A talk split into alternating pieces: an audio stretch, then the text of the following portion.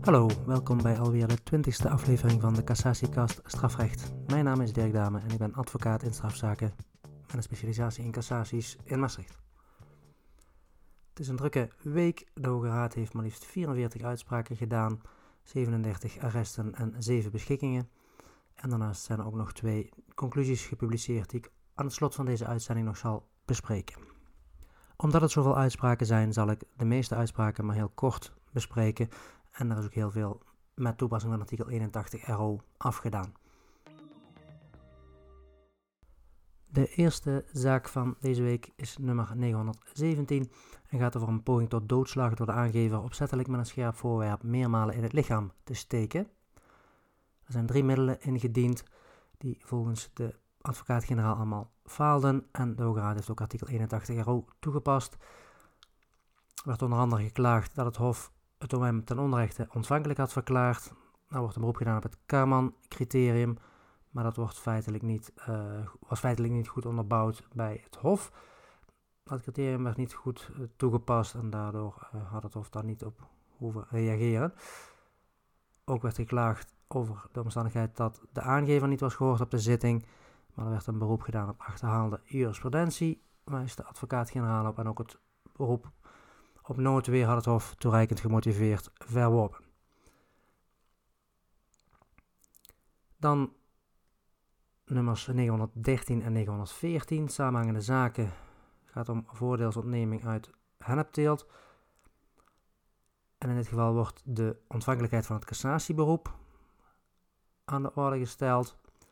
En de vraag of wel op rechtsgeldige wijze dus beroep in cassatie is ingesteld, omdat de raadsman de schriftelijke bijzondere volmacht tot het instellen van het cassatieberoep binnen de beroepstermijn is ingediend, maar die heeft verzonden naar de strafgreffie van de Hoge Raad in plaats van naar de greffie van het Hof. En de Hoge Raad is best streng in navolging ook van de conclusie van de advocaat-generaal, want die zegt de raadsman is iemand die op de hoogte moet zijn van ja, waar hij zijn beroepen moet instellen. De uitkomst van de Hoge Raad was vast anders geweest als het de verdachte zelf was geweest die deze fout had gemaakt. Maar voor de advocaat gelden strengere regels. Dus nummer 866 gaat er van poging tot doodslag in Almere, maar daar wordt 80 ARO toegepast. Dus het de verdachte niet ontvankelijk verklaard in het cassatieberoep.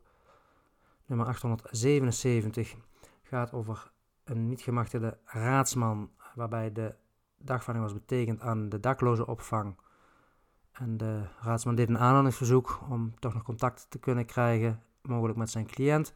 Dat aanhalingsverzoek werd afgewezen en uh, daarvan zegt de Hoge Raad dat dat ten onrechte was. En de Hoge Raad vernietigt en wijst terug. Het gaat er onder meer om dat de dagvaarding niet in persoon was betekend. En het Hof ook niet had vastgesteld dat de verdachte anderszins op de hoogte was geraakt van de datum van de zitting. Daarom had het Hof een afweging moeten maken tussen allebei de aanhaling van het onderzoek ter terechtzitting betrokken belangen en dat had het Hof dus niet gedaan. Arrest nummer 916 is een zaak waaruit na het hoger beroep is gebleken dat de verdachte in detentie verbleef in het buitenland, in Duitsland, tijdens de behandeling dus van de zaak in hoger beroep. En dan moet dus achteraf worden vastgesteld dat dan onrechte verstek is verleend tegen de verdachte. En uh, moet alsnog de zaak over, waarbij de verdachte wel de kans krijgt om uh, aanwezig te zijn. Zaak nummer 908 gaat over schorsing van de vervolging die door het Hof was uitgesproken.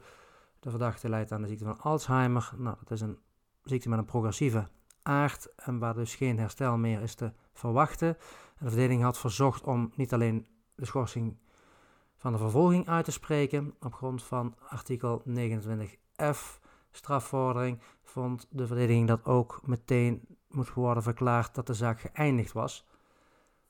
Nou, dat hoeft volgens de AG niet en Hoge Raad past artikel 81 uh, eh, toe. Dan moet eerst een onherroepelijke einduitspraak zijn, dus die schorsing van de vervolging moet eerst onherroepelijk zijn en pas dan kan met een andere procedure, namelijk bij de raadkamer, de beslissing volgen om de zaak geëindigd te verklaren. Arrest 915 gaat over een mensenhandelzaak maar vooral over de stukken die naar de Hoge Raad zijn gestuurd. Want bij de stukken van de Hoge Raad ontbraken een aantal stukken, namelijk het procesverbaal van de terechtzitting in hoger beroep en de aanvulling met de bewijsmiddelen. De Hoge Raad heeft die opgevraagd, maar toen zijn ze alsnog opgemaakt, dus die waren er nog niet. Het Hof had ook aangegeven dat het dossier per ongeluk te vroeg naar de Hoge Raad was gestuurd. En dan zegt de Hoge Raad, we kunnen wel inlichtingen gaan vragen nog bij het Hof, maar die bevoegdheid, bedoeld in artikel 83 van de Wet op de Organisatie, die gaat niet zo ver dat stukken alsnog kunnen worden opgemaakt. Dat heeft het Hof toch gedaan, maar daarop kan dan ook in cassatie geen acht worden geslagen, omdat ten tijde van de inzending van het dossier die stukken reeds ontbraken en nog niet bestonden. Dus daarom moet het Hof de zaak opnieuw doen. Arrest 909 gaat wederom om de ontvankelijkheid van het cassatieberoep. En dit is de zaak waarvan ik de conclusie al had besproken in aflevering 15. Dat was de advocaat-generaal wat strenger nu dan de Hoge Raad blijkt te zijn. De Hoge Raad vindt het beroep wel geldig ingesteld. Dat ging om die volmacht die niet in een bijlage bij een e-mail stond van de advocaat, maar in de e-mail zelf. Dus het was een e-mailtekst gewoon met, met de volmacht. En daaronder stond een afbeelding van de handtekening van de advocaat, maar dat was ja, dus kennelijk niet één geheel met de brief waar de volmacht in staat. Dat vond de advocaat-generaal dus niet voldoende, maar de Hoge Raad zegt van ja, eigenlijk voldoet die volmacht in die mail aan alle eisen die wij in eerdere ja, rechtspraak hebben gesteld. En dan maakt het niet uit dat dat niet een bijlage is bij de mail, maar dat het in de mail zelf staat. Dus die is wat clementer en acht gewoon het beroep ontvankelijk en laat de advocaat-generaal aanvullend concluderen over de andere middelen. Zaak nummer 903 ging over een verkrachting en bedreiging. De conclusie met nummer 336 heb ik al besproken in aflevering 13. Het zijn zeven middelen, dus, die zal ik niet allemaal meer herhalen. De Hoge Raad past in ieder geval 81 RO toe. 921 is een jeugdzaak over het openlijk in vereniging geweld plegen tegen personen met zwaar lichamelijk letsel ten gevolge. En is de vraag van, kan het de bewijsmiddelen worden afgeleid dat er sprake was van zwaar lichamelijk letsel? Hoge Raad past hier 81 RO toe. Uh, de advocaat-generaal wijst erop dat het ging om uh, in ieder geval zes elementen in het gebit van het slachtoffer die beschadigd zouden zijn, waarvan het merendeel moest worden uh, ja, vervangen met implantaten of kronen. Vond dan dat het niet onbegrijpelijk was dat dat als zwaar lichamelijk letsel uh, werd aangemerkt. Zaak 849 is een diefstal met geweld door in zwaar beschonken toestand een tas van een medereiziger in de trein mee te nemen. Dan wordt er geklaagd dat uit de bewijsvoering niet zou kunnen volgen dat de verdachte de tas van de aangever heeft weggenomen met het oogmerk van wederrechtelijke toe-eigening. De verdachte had die tas gepakt en ook een tijdje meegenomen een stukje de trein in, in ieder geval. En het slachtoffer had uh, ook aan die tas nog getrokken. Uh, maar desondanks had hij uh, toch de, de, tas weer meegenomen. dus dat vond de advocaat-generaal in ieder geval voldoende gemotiveerd dat hij het oogmerk van wederrechtelijke toe-eigening wel degelijk had gehad op dat moment. Volgende arrest is nummer 810. Dat was een zaak over opzetheling van een boormachine en een fiets. Daar werden wat bewijsmiddelen ingediend, met name over de wetenschap dat de voorwerpen door misdrijf waren verkregen. Het Hof had gezegd, je hebt je op je zwijgrecht beroepen, je hebt geen verklaring afgelegd en dat is wel nodig, want ja, vrij kort na de diefstal heb jij die voorwerpen al aangeboden bij een tweedehandswinkel. Dus had je wel moeten verklaren hoe je daar dan aan kwam en uh, ja, waarom je die dan al zo snel weer aanbiedt bij een, bij een tweedehandswinkel tegen een marktconforme prijs. En daarvan zegt de advocaat-generaal, ja, juist als je het tegen een marktconforme prijs verkoopt en je hebt het pas een aantal dagen in bezit kunnen hebben, dan wijst dat erop dat je het juist niet voor een marktconforme prijs hebt aangekocht, want anders had je er natuurlijk niet op verdiend. Zaak 850 is ook een 81 euro zaak, gaat over een Syriëganger en deelneming aan een terroristische organisatie was bewezen verklaard en ook het voorbereiden of bevorderen van terroristische misdrijven. Daar wordt met bewijsklachten tegen opgekomen, maar wordt wederom 81 euro toegepast. En volgens de advocaat-generaal kon de bewezen verklaring door het Hof worden afgeleid uit de bewijsmiddelen die zijn gebezigd in het arrest. Arrest nummer 902 ziet op feitelijke aanhandeling van de eerbaarheid. Er zijn een aantal bewijsklachten tegen geformuleerd. Ten eerste of de handelingen kunnen worden aangemerkt als ontuchtige handelingen, als bedoeld in artikel 246 strafrecht. En ook dat de verdachte daar opzet op heeft gehad. En ook is de vraag of het bestanddeel dwang, het bestanddeel geweld en het bestanddeel andere feitelijkheid, of dat ook uit de bewijsvoering kan worden afgeleid. Volgens advocaat-generaal wel en de Hoge Raad is het daarmee eens. Dit is wel een casus waarin de ondergrenzen, tenminste in mijn optiek, wel worden opgezocht van, uh, van het strafbare. De ontuchtige handelingen zouden hebben bestaan in het betasten van het been van het slachtoffer en de hand richting de lies bewegen. En ook het aanraken van de borst op twee momenten. En het geweld zou dan hebben bestaan uit het naar zich toe trekken van het hoofd van de aangeefster. Ook de conclusie van de uitspraak 851 is al besproken in aflevering 15, die had nummer 415. Het ging over een poging tot zware mishandeling waarbij TBS met voorwaarden was opgelegd. Er was geklaagd over het voorwaardelijk opzet van de verdachte, dus een bewijsklacht op het toebrengen dan van zwaar lichamelijk letsel bij het slachtoffer. En ook de vraag werd voorgelegd of het Hof TBS noodzakelijk had mogen achten, omdat ook gekozen had kunnen worden voor een behandeling in het kader van een zorgmachtiging. En de Hoge past 81 RO toe. Arrest 920 gaat over het witwassen van een vrachtwagen met een koeloplegger door een rechtspersoon, terwijl de verdachte daar leiding aan heeft gegeven. Dat zal meermaals gepleegd zijn. Ook hier heb ik de conclusie in aflevering 15 besproken, nummer 411. En die wordt gevolgd door opnieuw pas de Hoge Raad 81 RO toe. Ging onder andere over het toepassen van meerdaadse samenloop en een bewijsklacht over het opzet. Arrest 918 is een zedenzaak over feitelijke aanranding van de eerbaarheid. Ook hier is 81 RO toegepast. De middelen gingen onder andere over het al dan niet ten onrechte bevestigen van het vonnis van de rechtbank. Uh, unus testis werd overgeklaagd. En ook de betrouwbaarheid van de aangeefster, dan wel haar verklaringen. Dan nummer 904, 5, 6 en 7 zijn allemaal zaken gerelateerd aan uh, hennepteelt, twee ontnemingszaken en twee strafzaken. Eigenlijk wordt alles met 81 RO afgedaan, behalve nummer 906. En daar ging het ook om bedriegelijke verkorting van de rechten van schuldeisers, artikel 343 lid 4 oud strafrecht. En daar slaagt het middel wel. De Hoge Raad herhaalt daarbij de relevante overwegingen uit Hoge Raad 2010 Bernard Isaac 4691.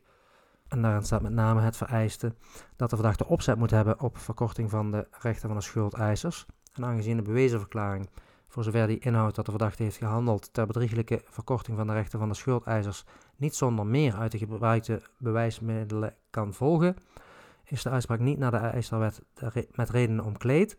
Daarbij neemt de Hoge Raad in aanmerking dat het niet of onvoldoende voeren van een administratie niet zonder meer de aanmerkelijke kans op verkorting van de rechten van de schuldeisers doet ontstaan en de bewijsvoering daarnaast de mogelijkheid openlaten dat de verdachte, als van een dergelijke aanmerkelijke kans wel sprake zou zijn geweest, zich van die aanmerkelijke kans niet bewust is geweest. En dan is er daarnaast ook nog een slagende klacht over de verjaring van het onder 5 impliciet subsidiair ten laste gelegde schuldwitwassen. En daarin verklaart de Hoge Raad zelf niet ontvankelijk. Dan zijn er weer een aantal samenhangende zaken, namelijk 922 23, 24, 25 en 27. Dat zijn economische zaken over uh, milieudelicten en ook valsheid in geschrift ten aanzien van begeleidingsbrieven. En al die zaken past de Hoge Raad artikel 81 RO toe. Zaak 928 gaat over het medeplegen van opzettelijke vrijheidsberoving van poging tot afpersing, dan wel afpersing meermalig gepleegd en ook diefstal met valse sleutels. Is een vrijheidsbeperkende maatregel opgelegd door het Hof. Die zou dan ten onrechte zijn opgelegd volgens de stellers van het middel. Dan wel hebben ze die oplegging ontoereikend gemotiveerd. Dan gaat pas 81 RO toe en de conclusie is besproken in aflevering 15. Het betreft nummer 416. In de zaak die leidde tot het arrest van de Hoge Raad met nummer 919 is de verdachte veroordeeld wegens zware mishandeling door met een vleesmes en een diepe snijwond in het gezicht van de aangever toe te brengen. Er was een beroep gedaan op noodwerk 6. Er is eerder al een uh, arrest van de Hoge Raad geweest in deze zaak, 2019 1534. En het Hof heeft de verwerping van een beroep op noodweer slash noodwerk 6 toereikend gemotiveerd volgens de advocaat-generaal. Er was weliswaar tegen de grond gewerkt door het slachtoffer, maar ja, er was genoeg ruimte, heeft het Hof overwogen, om zich aan de situatie te onttrekken. Jong Raad is daar kennelijk mee eens, past artikel 81 RO toe. In zaak 809 had de verdachte de celdeur van de ophoudkamer en het politiebureau vernield. Daar had de raadsvrouw een beroep gedaan op psychische overmacht ter zitting in hoger beroep. Althans, dat wordt in cassatie gesteld, maar de advocaat-generaal zegt dat had het Hof daar niet in hoeven lezen. Het werd met name in de strafmaatsfeer benoemd in zijn optiek. In ieder geval kwam het woord psychische overmacht daar niet in voor. De Hoge Raad weer 81 RO toe. Zaak nummer 911 is een uh, bijzondere zaak hier in uh, Limburg. Uh, er was een man die had zijn moeder, die was overleden, 2,5 jaar lang in zijn eigen huis bewaard. Dat lichaam dus verborgen en ook geen melding gemaakt bij de uitkeringsinstanties dat ze was overleden, zodat haar AOW-uitkering en nabestaande pensioen ook lekker bleven doorlopen, waardoor hij ongeveer 50.000 euro extra inkomen had genoten wordt met name in cassatie geklaagd over de strafmotivering. Er was 10 maanden, waarvan 5 maanden voorwaardelijk opgelegd voor het onttrekken van een lijk aan nasporing, het nalaten tijdig gegevens te vertrekken voor de uitkering en ook verduistering. Volgens de advocaat-generaal was de strafopleiding prima gemotiveerd en, de Hoge Raad doet daar ook verder niks aan af en past weer 81 euro toe. Zaak 900 1 gaat over mishandeling van de toenmalige levensgezel van de verdachte en ook de vernieling van de ruit van de door haar gehuurde woning. Wordt de vraag voorgelegd of de vordering benadeelde partij had kunnen worden toegewezen als het gaat om de kosten voor een alarmsysteem. is dat wel rechtstreekse schade? Er is eerder jurisprudentie geweest waaruit blijkt dat dat inderdaad uh, als rechtstreekse schade kan worden aangemerkt. Daar wijst de advocaat-generaal in, de conclusie op. En de Hoge Raad gaat daarin mee. 81 euro wederom. Dan een ontuchtzaak wederom nummer 896. Er zou um, een verjaard feit tussen hebben gezeten. Nou, dat klopt, maar dat hoeft niet tot cassatie te leiden. Volgens de redenen vermeld in de conclusie van de advocaat-generaal. Dat is nummer 425 trouwens, die is besproken ook in aflevering 15. En het Hof heeft bij de beslissing tot onttrekking van het verkeer van een pistool klaarblijkelijk toepassing gegeven aan artikel 36d van het wetboek van strafrecht. Maar het oordeel van het Hof dat dat pistool aan de verdachte toebehoort, dat is echter mede in het licht van het verhandelde ter zitting niet begrijpelijk. Die had gezegd dat het in de kamer van een andere persoon was gevonden en dat hij daar uh, ja, verstopt was geweest. En dat het in ieder geval niet zijn wapen was. Beslissing tot onttrekking aan het verkeer van het pistool wordt vernietigd. Er wordt niks voor in de plaats gesteld, dus dan moet degene die dat eigenaar was van het pistool er maar over komen klagen. Dat zal hij waarschijnlijk niet doen. Het cassatieberoep wordt voor het overige verworpen. Dan de witwaszaak nummer 841. Daar zijn wel wat slagende klachten in te ontwaren over de miskenning van een eerdere terugwijzingsopdracht, over het verzuim om een legaal verkregen bedrag in mindering te brengen op het verbeurd verklaarde geldbedrag en over de motivering van de verbeurdverklaring van bepaalde voorwerpen en ook de duur van de aan, het voorwaardelijk gedeelte van de gevangenisstraf verbonden proeftijd. De Hoge Raad verwijst dan naar de conclusie van de advocaat-generaal voor betreft uh, de motivering. Dat is de conclusie met nummer 423. Ook deze is besproken in aflevering 15. De Hoge doet de zaak doelmatigheidsoverwegingen zelf af. Door in aansluiting bij de kennelijke bedoeling van het Hof een gevangenisstraf op te leggen voor de duur van 20 weken, waarvan 16 voorwaardelijk. Met dan een proeftijd van 2 jaar en ook een taakstraf van 120 uur. En de teruggave wordt ook gelast van een aantal in beslag genomen voorwerpen. In zaak 844 is het beginpunt van de redelijke termijn het punt van discussie. De feitenrechter had gezegd, beginpunt is de betekening van de dagvaarding, maar eraan voorafgaand was er al een verhoor geweest bij de politie waarin de verdachte een bekennende verklaring had afgelegd en dat moet volgens de Raad dan als beginpunt van de redelijke termijn worden aangehouden. En de Hoge doet de zaak zelf af en vermindert de opgelegde taakstraf. Het laatste arrest ben ik dan alweer voor vandaag. Ik ga er toch wat snel doorheen. Is nummer 912 en dat is een herzieningszaak. Ja, de herzieningsgrond die wordt aangevoerd is dat de verdachte die zou zijn veroordeeld, was veroordeeld naar de aanvrager. Die was veroordeeld voor de poging tot afdreiging, dat daar ook medeverdachten bij betrokken waren. Maar goed, als dat juist zou zijn, levert dat geen herzieningsgrond op. Want daardoor valt de zaak niet onder een minder zware strafbepaling in de zin van 457 lid 1 sub c strafvordering. En daaronder moet worden verstaan een strafbepaling die een minder zware straf bedreigt. Dus de aanvraag is kennelijk ongegrond. Dan wordt het tijd voor de beschikkingen van deze week van 21 juni 2022. De eerste heeft uh, nummer 887 en dat is een uitvoerige beschikking. Die gaat over het Europees onderzoeksbevel. En aanleiding van zo'n bevel gelegd beslag. Het eerste middel gaat over geheimhouding van, het, van een gedeelte van het Europees onderzoeksbevel.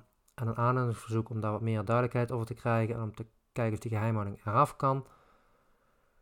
Daarvan zegt de Hoge Raad dat ze daar in eerste instantie al in nummer 653 van dit jaar relevante overwegingen over hebben opgenomen. In de overwegingen van een rijbank ligt als oordeel besloten dat het belang van het onderzoek ernstig wordt geschaad als de klaagster en of haar raadsman kennis kunnen nemen van het gehele Europese onderzoekbevel, zodat de kennisneming van dat EOB in zoverre moet worden onthouden, maar dat geen noodzaak bestaat om het OM op te dragen aan die uitvaardigende autoriteit de vraag voor te leggen of er concrete bezwaren bestaan tegen de kennisneming door klaagster van het gehele EOB. Dat geeft niet blijk van een onjuiste rechtsopvatting en is ook niet onbegrijpelijk. Medegelet op de mededeling van de officier dat hij het verzoek tot kennisneming al had voorgelegd aan de Romeinse autoriteiten, die daarop alleen toestemming hebben gegeven voor het verstrekken van een aantal onderdelen van het EOB.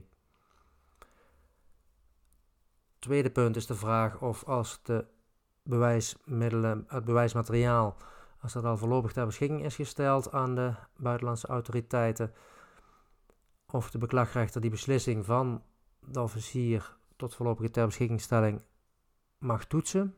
Nou, dat is niet het geval volgens de Hoge Raad. Dat voegt ook niet veel toe om die afzonderlijke toets nog toe te staan. Verklaart de rechter beklag ongegrond, dan doet zich niet de situatie voor dat er dus strijd bestaat tussen de voorlopige ter beschikkingstelling door de officier en de latere beslissing van de rechter. Verklaart de rechter het beklag wel gegrond, dan heeft dat oordeel al tot gevolg dat de officier de uitvaardigende autoriteit moet verzoeken de ter beschikkingstelling te beschouwen als niet te hebben plaatsgevonden, de overgedragen resultaten niet of niet verder te gebruiken en het betreffende voorwerpen te retourneren dan wel de betreffende gegevens te vernietigen. Tot slot zegt de Raad nog dat de opvatting dat aan een verzoek van de uitvaardigende autoriteit om onmiddellijke overdracht van het bewijsmateriaal uitsluitend gevolg mag worden gegeven als het verzoek in een EOB of een aanvullend EOB is opgenomen, onjuist is, omdat hij geen steun vindt in de tekst van het betreffende artikel uit het van strafvordering en ook niet verenigbaar is met de door de richtlijn en de betreffende EU-richtlijn beoogde snelle en doeltreffende samenwerking in strafzaken. Ook de tekst van de richtlijn dwingt niet tot het aannemen van een dergelijke beperking, dus het beroep wordt verworpen. De conclusie met nummer 409 is ook al besproken in aflevering 15. De beschikking met nummer 897 gaat over de zaak, ook wederom besproken in aflevering 15, conclusie nummer 408. Zaak waarin een beklagzitting was geweest waarin door corona beperking en schriftelijke uitwisseling van standpunt had plaatsgevonden en vervolgens was de behandeling ter zitting beperkt gebleven tot een proforma zitting. Dan werd er geklaagd dat de behandeling van een klaagschrift niet in het openbaar had plaatsgevonden en dat de rijbank ten onrechte had geoordeeld dat de klager en zijn raadsman behoorlijk waren opgeroepen voor die behandeling. Hoge was artikel 81 RO toe. Beschikking 884 gaat over beslag op geldbedragen onder de partner van klaagster ter zake van verdenking in harddrugs, waarna de broer van die partner is veroordeeld voor overtreding van de opiumwet en ook van witwassen. En daarbij werden geldbedragen verbeurd verklaard. Ook die geldbedragen dus die in beslag genomen waren onder klaagster.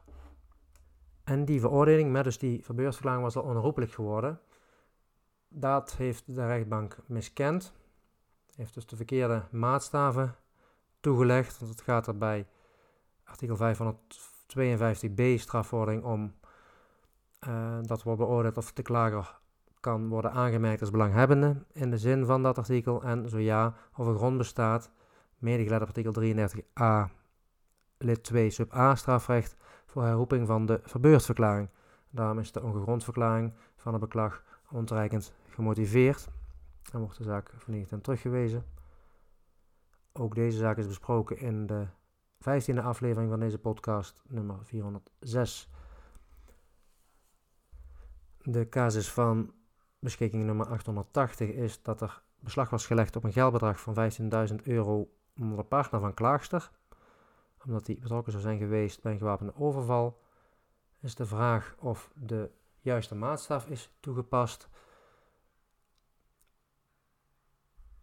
Die zaak is ook besproken in aflevering 15, conclusie 368. En de Hoge Raad is het met de conclusie eens uit, nog uit de beslissing, nog uit de stukken, blijkt op welk artikel het beslag stoelt. Of dat 84 strafvordering of 84a strafvordering is, met ieder natuurlijk een eigen maatstaf van beoordeling. Dus dat kan in cassatie niet, uh, niet worden getoetst, ofwel de juiste maatstaf is gehanteerd. En daarom is de beschikking van de rijbank ontoereikend gemotiveerd. Ook de zaak die leidde tot de beschikking met nummer 845, die moet opnieuw. Ook daar zijn de verkeerde maatstaven toegepast. En hier ging het erom dat er wederom beslag wordt gelegd onder een derde. Maar dan op grond van artikel 94a strafvordering, lid 4, om een schadevoedingsmaatregel te kunnen executeren. Nou, ook hier werd dus niet de goede maatstaf toegepast. De zaak is al besproken in aflevering 15 ook, conclusie 401. Beschikking 929 is ook al aan de orde geweest in aflevering 15, conclusie nummer 413. Daar past de Hoge Raad 81 RO toe. Het ging om een vrachtwagen die in beslag was genomen ter zake van voorbereidingshandelingen voor uitvoer van verdovende middelen en witwassen, waarna de strafzaak tegen de klager was geseponeerd wegens onvoldoende bewijs en het ging er in de procedure om of de klager redelijkerwijs als rechthebbende kon worden aangemerkt. Ook besproken in aflevering 15 is conclusie 407 en die heeft nu ook deze week tot een beschikking geleid met nummer 898. Het ging om beslag op grond van artikel 94 en 94a op een leaseauto uit de door de rechtbank in aanmerking genomen feiten en omstandigheden volgt volgens de Hoge Raad in ieder geval niet zonder meer dat er voldoende aanwijzingen bestaan dat de voorwerpen geheel of ten dele aan de klaagster zijn gaan toebehoren met het kennelijke doel de uitwinning van voorwerpen te bemoeilijken of te verhinderen en ook dat de klaagster dat dan wist of redelijkerwijze kon vermoeden. Dus ook die zaak wordt dan teruggewezen. Tot slot nog even kort twee conclusies van 21 juni. Eerst is nummer 589, gaat over medeplegen van diefstal, vergezeld en gevolgd van bedreiging met geweld. En over dat laatste aspect, die bedreiging met geweld, wordt geklaagd. Met name het voorwaardelijk opzet van de verdachte daarop. Het gaat om een verdachte ja, die net dan als medepleger kon worden aangemerkt, dat die niet mee naar binnen was geweest, zo gezegd.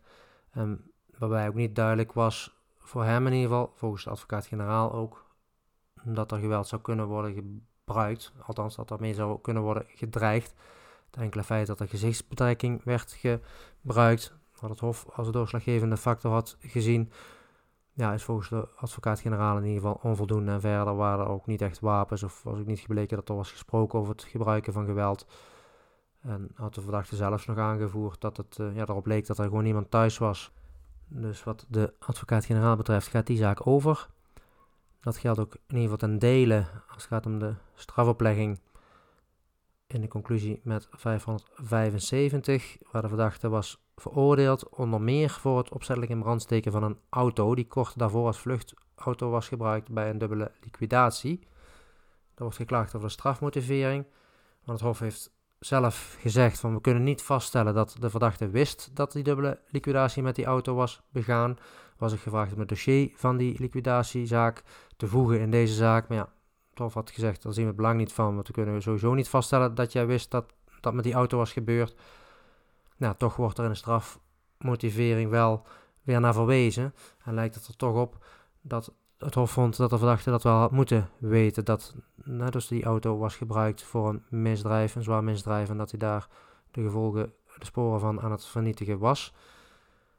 Volgens de advocaat-generaal is dus op dat punt de strafoplegging niet begrijpelijk gemotiveerd en moet er opnieuw over de strafoplegging worden beslist met een nieuwe motivering.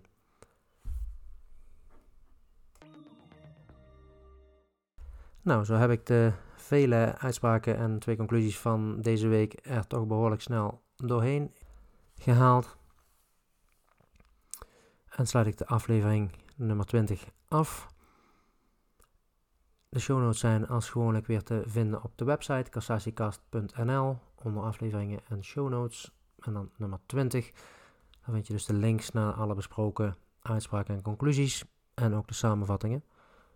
Dus kun je nog eens even nalezen als een zaak voor je eigen praktijk relevant is. Wat er nou precies is gezegd. Want dan is het, het uitgangspunt. Uh, de inhoud van deze podcast is indicatief. En ga vooral zelf het arrest of de conclusie lezen voordat je hem zelf gaat gebruiken in een concrete zaak. Bedankt voor het luisteren weer. Graag tot de volgende week. We zijn langzaamaan aan het aftellen naar het zomerreces van de Hoge Raad. Maar volgens goed is nog twee afleveringen van deze podcast voordat de, de zomervakantie dan echt kan beginnen. Graag tot de volgende aflevering.